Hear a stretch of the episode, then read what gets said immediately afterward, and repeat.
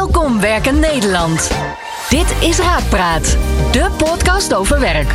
Andreas Bouwman van Raakpersoneel stelt een werkexpert rake vragen over solliciteren, salaris, carrière, promotie, collega's, werkplezier en andere werkgerelateerde zaken. Moet je per se diploma's hebben voor een succesvolle loopbaan? Hoe voorkom je een burn-out? Is inclusiviteit een hype? Leg je werk even neer. Het is tijd voor Raakpraat.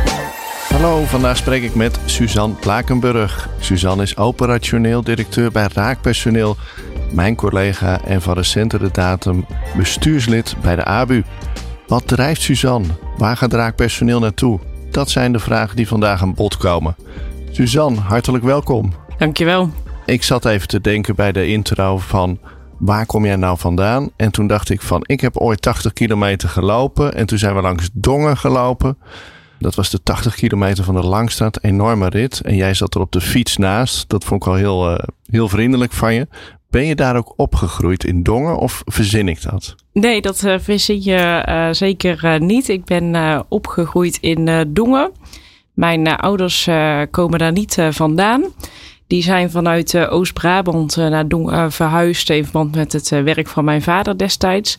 En ik ben daar opgegroeid. Jij geboren bent daar dus opgegroeid. Ja, Ja. dan heb ik ook precies een beeld van hoe Dongen eruit ziet. En als ik dan visualiseer hoe de jonge Suzanne daar op acht of negen of tienjarige leeftijd eh, is, dan heb ik een beeld bij me van een beetje een ondeugend meisje dat de leider is van, van het hele dorp en misschien wel een beetje kattenkwaad uithaalt. Ga jij me uit de droom helpen dat dat inderdaad klopt? Of, Eh, eh, ik ga jou uit de droom helpen dat dat ver eh, klopt. Ja, ik was als jong kind eh, wel altijd al degene die vooral vond dat ze het laatste woord moest hebben. En wel de grenzen opzocht in wat dan wel en niet kon. Ja, ik had al zo'n zo'n donkerbruin vermoeden inderdaad. Hey, en werk is als kind natuurlijk heel ver, staat heel ver van je vandaan. Maar je hebt wel in je omgeving, zie je dan voorbeelden. Je vader heeft, eh, hè, had werk, anderen hebben dan werk. Had je toen al een bepaald idee van, goh, als ik later groot ben, dan zou ik wel die, dit of dat willen doen. Nou, dat heeft best wel lang geduurd bij mij voordat ik eh, dan eh, bedacht wat ik eh, wilde zijn. En ik moet ook zeggen dat het niet, eh, niet uitgekomen is. Ik ben als kind begonnen met eh, stewardess, kraamverzorgster, een beetje wat alle kinderen wilden. En mijn moeder zegt altijd: Ik zie jou nog aan de keukentafel zitten met allemaal boeken van reisbureaus. En uren zat ik met een vriendinnetje een reisbureautje te spelen. Ja, Dus mijn moeder zei, ja, ik dacht altijd van ze gaat ergens die hoek eh, wel eh, in. Toen ik naar de middelbare school ging, eh, toen ehm, bedacht ik dat ik dan wel naar de hotelschool wilde en eh, veel meer eh, naar de Veel- hospitality kant eh, wilde. dus met mensen veel dingen meemaken, avontuur, Ja, dat trok je wel. ja, ja, Ja. dat trok me wel, ja. Dus jij bent op een gegeven moment ben je dus die kant ook gaan studeren? Of, nee, want mijn schoolcarrière liep, verliep niet volgens het boekje. Achteraf denk ik paste dat ook wel bij mij. Ik ben naar de HAVO gegaan. Daar bleef ik twee keer zitten. Dat kwam eh, achteraf, als ik daarop terugkijk, eh, niet zozeer omdat ik het niet kon, maar dat ik met heel veel dingen bezig eh, was en heel veel moeite had met in de gebaande paden te lopen.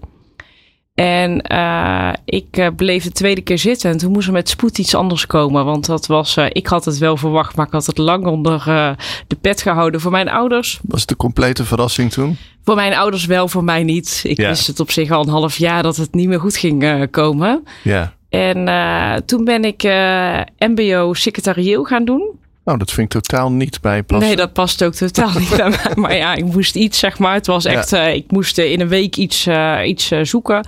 Dat heb ik een jaar gedaan. En toen heb ik, ben ik de overstap gaan maken naar marketing en communicatie. Waren je ouders teleurgesteld eigenlijk toen? Op dat moment, hoe reageerden ze toen je van die HAVO, nou ja, dat dat niet lukte? Was dat een grote teleurstelling? Kan je, staat je dat nog bij? Of dachten ze van, oh god, wat gaat het, wat gaat het worden met Suzanne? Ja, we hebben daar, eh, wat ik daar op dat moment van bij staat, is dat ze volgens mij best oké waren en snel ook wel in de modus kwamen van je moet nu iets eh, anders gaan doen. Latere leeftijd spreek je daar natuurlijk nog een keer over.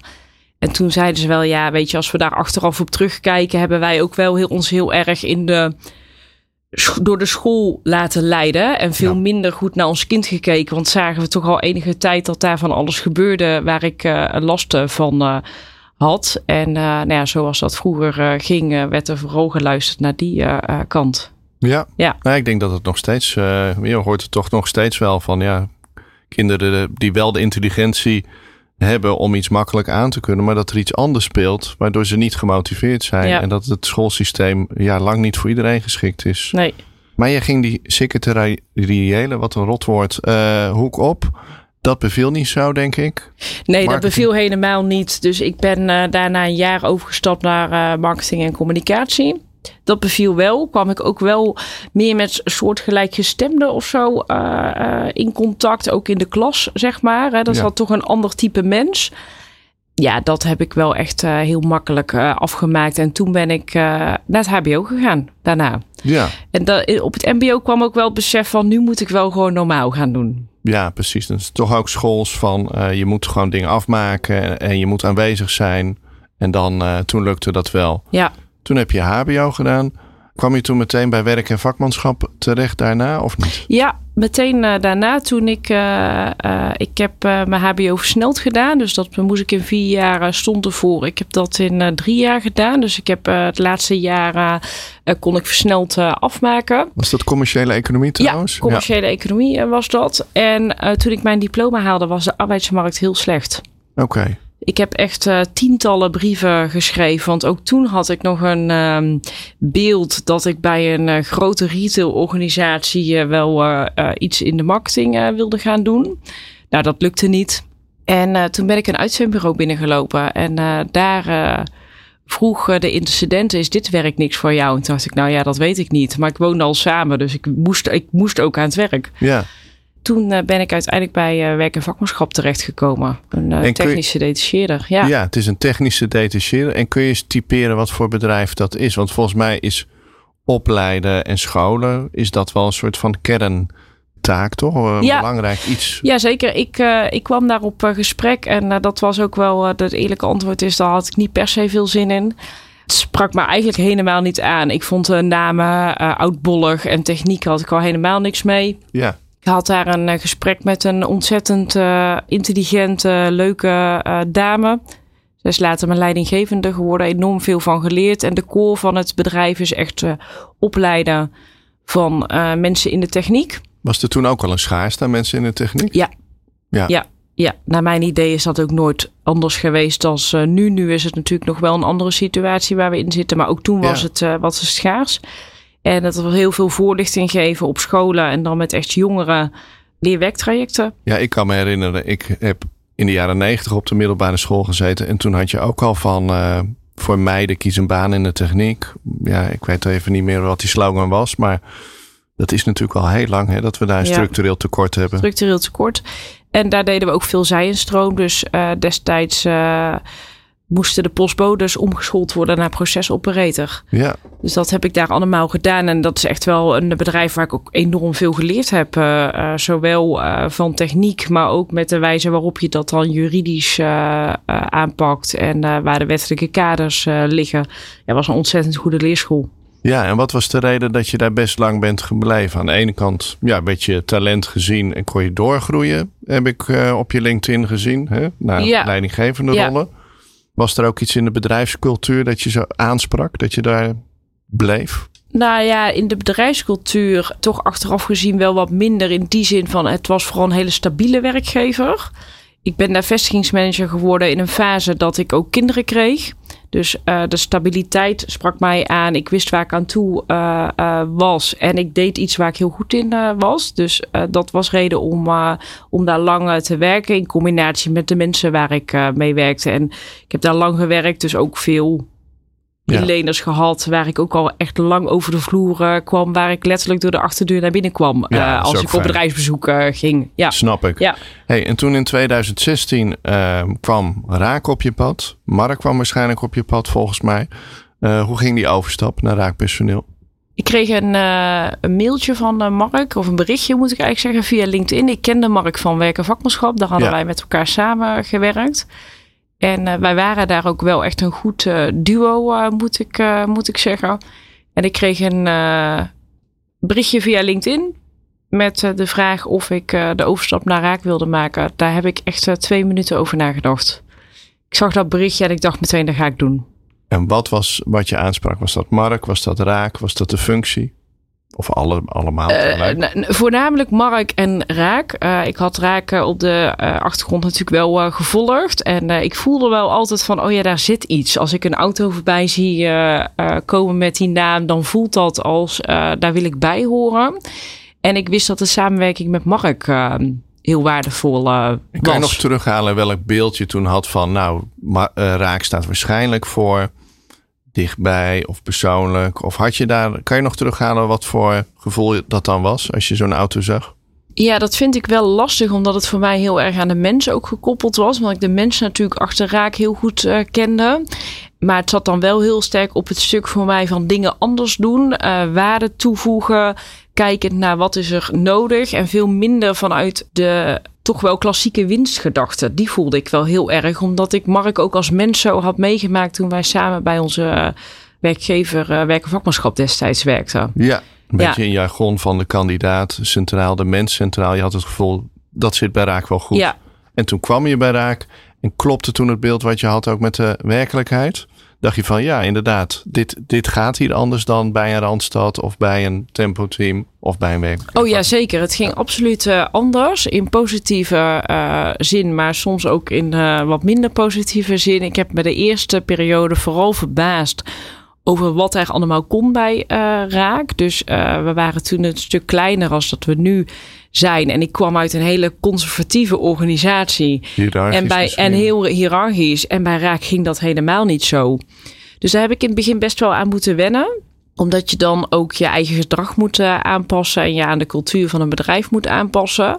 Maar toen ik daar mijn weg in had gevonden, merkte ik juist dat die jas heel erg lekker ja. uh, zat. Ja, snap ik. Hey, en nu een soort bruggetje naar het onderwerp ook een beetje van vandaag. Ik heb uh, met allerlei werkexperts intern en extern gesproken. Wim Davidsen, Julian Koops, um, Chantal Huinder, um, handmesters, Nana, onze collega. En die zeggen allemaal, ja, er zijn een aantal structurele veranderingen die er gaande zijn. Uh, personeelstekort is blijvend, want er is vergrijzing. Die krapte, die blijft. We zien wet en regelgeving die flex toch wat nou ja, onaantrekkelijker maakt. Wat betekent dit allemaal voor de arbeidsmarkt waar we nu in zitten, volgens jou? Ja, dat is een hele interessante vraag, omdat we wel echt aan de vooravond staan van een verandering die wij in de uh, flexbranche in deze hoedanigheid nog niet gehad hebben. En dan altijd de vraag is van waar, wat, waar gaan we dan precies op, uh, op af? Wat ik vooral zie is dat we door inperking van onze flexibiliteit anders moeten gaan leren denken. En uh, dan zit ik vooral op het stuk dat wij als uh, branche-uitzenders, ik noem ons maar even in, uh, in het collectief, mm -hmm. dat het veel meer zal gaan over welke maatschappelijke impact maken wij met uitzenden en welk verdienmodel hoort daar dan bij. Van oudsher zijn we toch vooral voor piek en ziek voor lange contracten hebben veel uitzendkrachten bij uh, grote inleners. Bij Raak is dat wat minder. Wij zijn wat meer klassieke uitzender, waarbij mensen ook worden overgenomen door klanten. Alleen doordat er zoveel verandert, moeten wij ons eigenlijk heruitvinden van wat betekent dat voor onze rol op de arbeidsmarkt. Ja, precies. Wat is onze toegevoegde waarde voor de klant en voor de kandidaat? Ja. ja. ja. En als we dat concreet maken, want dit, ja, dit zegt mij wel redelijk wat. En ik denk een deel van onze luisteraars ook. Maar een ander deel die zal denken van ja, uh, wat bedoelt Suzanne hier nou precies mee? Kun je bijvoorbeeld een voorbeeld geven van een jongere die niet precies weet wat ze willen? Laten we 20 of 25 zijn, net klaar met de studie, misschien wel of niet tevreden met de keuze. Ja, wat kunnen we voor zo iemand betekenen? Voor een jong volwassene? Wat zou een uitzendorganisatie zoals Raak ja, welke rol zouden we nou moeten spelen voor bijvoorbeeld die doelgroep? Ja, ik denk dat onze rol uh, heel sterk zit op hoe kunnen wij ons profileren als werkgever en daadwerkelijk iemand iets extra's meegeven op het moment dat hij zijn loopbaan uh, buiten een uitzendorganisatie vervolgt. Dus bijvoorbeeld als concreet voorbeeld, nou, denk aan een jongere die problemen heeft om aan het werk te komen. Uh, niet zozeer qua vaardigheden of intelligentie, maar veel meer vanuit de persoonlijke sfeer. Mm Nou, dan zou je bijvoorbeeld kunnen denken, is heel goed eerst met iemand te kijken van oké, waar zit dan jouw energie? Uh, waar haal jij je werkplezier uit? En waar ook vooral niet. En daar dan ook heel goed met elkaar te kijken van welke baan past er dan daadwerkelijk bij jou. Maar stel iemand klopt aan en zegt van nou, ik heb, uh, ik heb HAVO gedaan naar uh, verschillende baantjes. Ja, wat kan iemand dan betekenen van raak? Een consultant of een talentmanager of hoe de functienaam ook is bij ons. Wat kan iemand dan verwachten van, van raak? Wat wij dan gaan doen om dat boven water te krijgen. Waar iemand energie van krijgt en wat energie kost. Ja, het is altijd uh, klassiek uh, natuurlijk, maar dat begint eerst wel echt met het gesprek uh, te voeren met iemand en er durven achter te kijken hè, van wat zijn iemand zijn drijfveren. Maar denk ook aan tools die we daarvoor in kunnen zetten.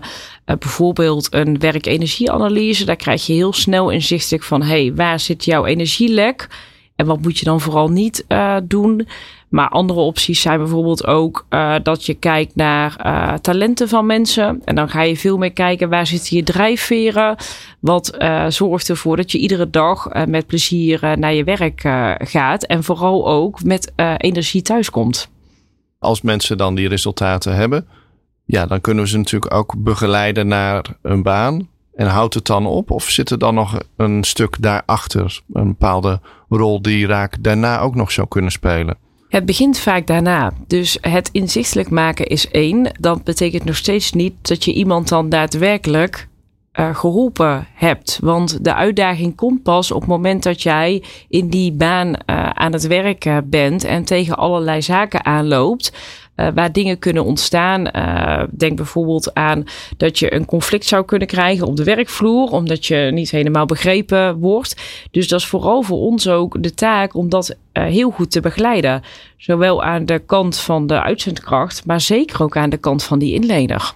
Ja, want hè, als we de inlener, dat, de werkgever, als we daarnaar kijken, ja, uh, in het ideale scenario wil die gewoon iemand met wie die nul problemen heeft, die direct aan de slag gaat, die nooit ziek is um, en optimaal presteert. Maar goed, we hebben natuurlijk te maken met mensen. Wat kunnen wij dan doen om dat proces van als iemand aan de slag is, daarna nog te verbeteren? Moet je dan dus ook structureel contact houden? Dat lijkt me sowieso belangrijk. Of moet bepaald verwachtingsmanagement uh, richting die opdrachtgever uh, gedaan worden. Dat hij weet van hey, deze persoon is bijvoorbeeld zijn Nederlands is nog niet goed genoeg, dus hou daar rekening mee. Ja, het is een combinatie van zaken. Het is uh, uiteraard contact houden, maar contact gaat voor mij ook verder dan een telefoontje plegen en het daarbij laten. Dat gaat over een actieve rol vertegenwoordigen op de werkvloer van die uitzendkracht. Dus ook daar aanwezig zijn, ook zien wat daar daadwerkelijk gebeurt. In combinatie met het gesprek voeren met die inlener en dat het liefst in een driehoeksverhouding. Uh, zodat uh, we gezamenlijk weten waar uh, enerzijds aan gewerkt moet worden, anderzijds waar ook een stukje begrip moet zijn.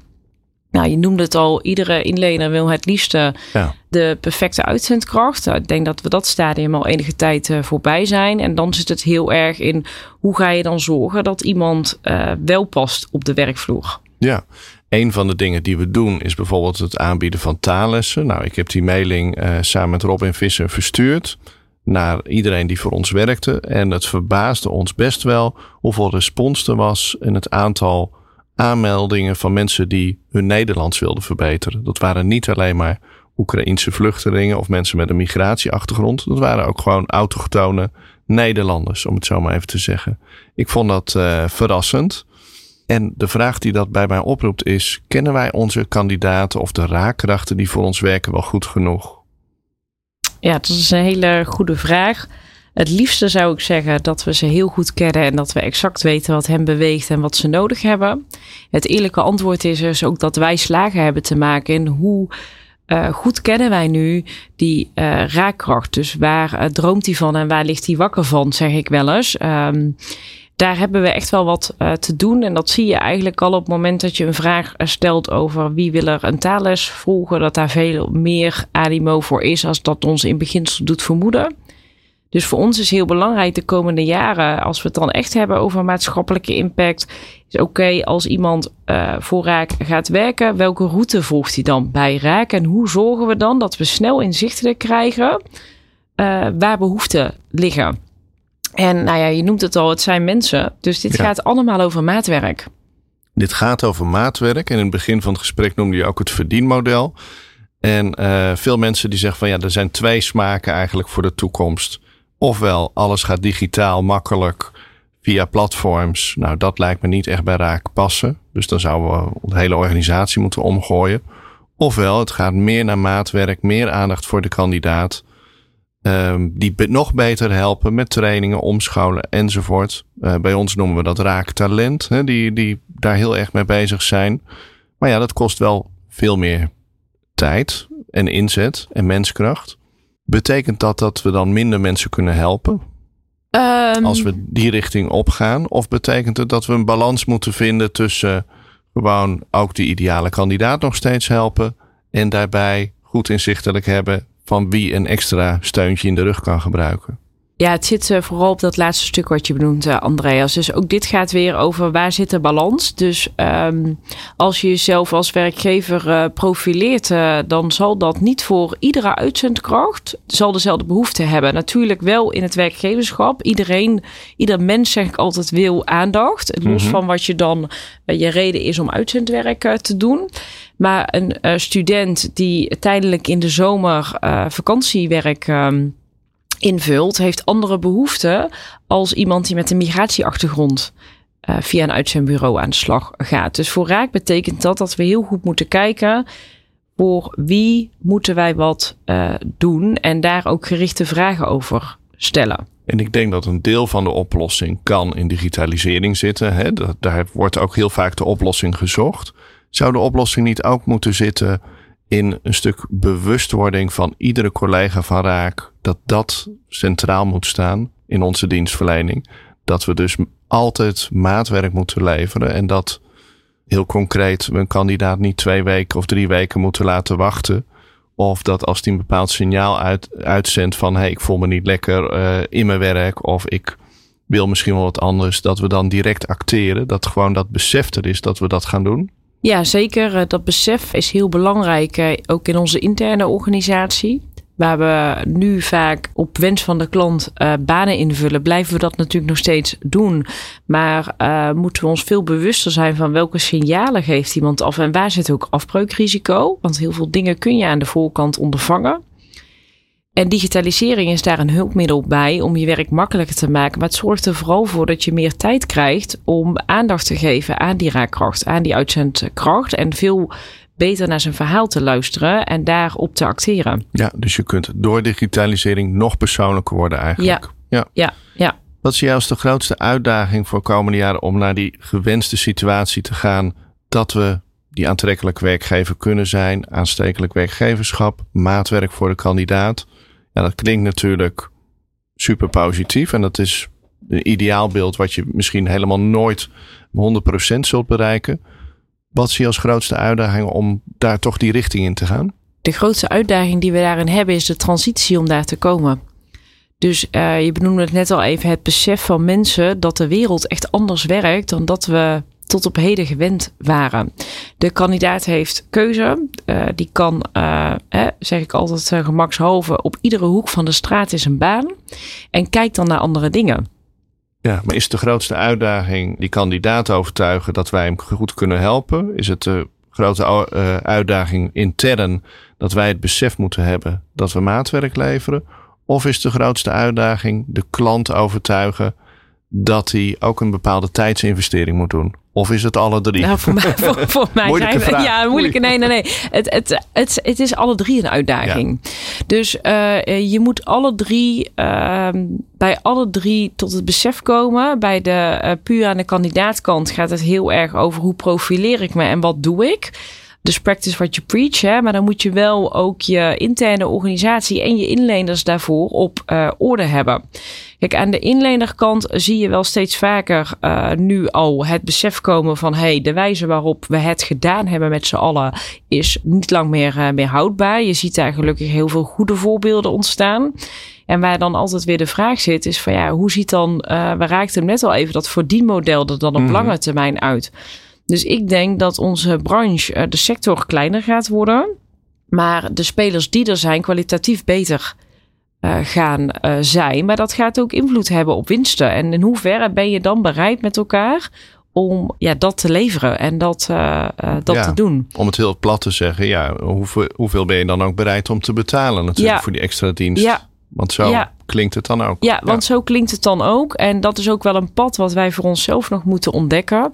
We doen dat nu wat in kleinere schaal op raken talent. Uh, daar zien we overigens dat we uh, vanuit de kandidatenkant, vanuit de uitzendkrachten, daar veel complimenten over krijgen. Mensen zijn oprecht blij dat er een telefoontje komt om gewoon te vragen hoe het met je gaat. En uh, vooral de verdieping te maken van hey, als je nou wat, wat beter naar jezelf kijkt, waar zitten dan je behoeften? Ja, om daar even ja. aan te sluiten. Als ik ik zie natuurlijk uh, heel vaak de testimonials, de referenties bij ons. En dan zie ik ook echt van, nou ja, wat jullie voor, voor mij hebben betekend, is echt wel veel meer dan ik had verwacht. Ja. Heel veel mensen verwachten helemaal niet nee. wat we allemaal voor ze doen. Trainingen geven, gratis cursussen, uh, loopbaanadvies, uh, drijfveren sessies. Ja, het zijn allemaal dingen die ze niet per se verwachten. Het warme welkom, de persoonlijke aandacht, alleen dat al. Ja, dus aan die kant kun je wel relatief snel slagen maken. Maar dan zit het inderdaad van: oké, hoe vertaal ik die waarde dan naar iets waar de markt ook behoefte aan heeft? Is dat ook jouw grote doel om binnen een bepaalde termijn, dus laten we zeggen twee, drie jaar, om daar ook een bepaald concreet verdienmodel voor te hebben? Of dat je dat meer inzichtelijk hebt? Is dat jouw grote doel? Ja, absoluut. Want uh, wij kunnen bij Raak ook alleen uh, doen uh, wat we willen doen. Als we daar natuurlijk wel waarde voor is in de markt. En daar ook ja, inleners bereid zijn om voor te betalen. En dan zit het ook, daar zit het dan weer in de toekomst denk ik heel erg op dat maatwerk van oké, waar zit die klantbehoefte en welk, wat past daarbij? En uh, heeft die klant behoefte voor een vakantiekracht? Dus dat is een heel ander product als wat ik inzet. Als dat die klant zegt, hé, hey, maar ik heb een structureel probleem en we kunnen dat misschien uh, wel oplossen, maar dan hebben we dus andere dingen nodig. Ja, en hoe ver ben je dan bereid om daar ook uh, voor te betalen? Ja, en dat zal misschien ook consequenties hebben voor wie is je ideale klant. Ja. En daarin eventuele wijzigingen. Ik zeg het wat eh, cryptisch, maar het kan natuurlijk ook zijn dat je dan van bepaalde klanten afscheid neemt en dat er andere klanten beter bij passen. Ja, dus ook voor ons zit de uitdaging in hoe gaan wij onze uh, klanten, hoe gaan we daar om met, met, met dat maatschappelijke stuk? Ja, nou, nou, dan sluiten we daarmee af, Suzanne. Dankjewel. Jij bedankt. Bedankt voor het luisteren naar Raakpraat. Binnenkort weer een nieuwe aflevering met Andreas Bouwman en een verse werkexpert. Meepraten? Check de show notes en abonneer je op onze podcast. Werk ze!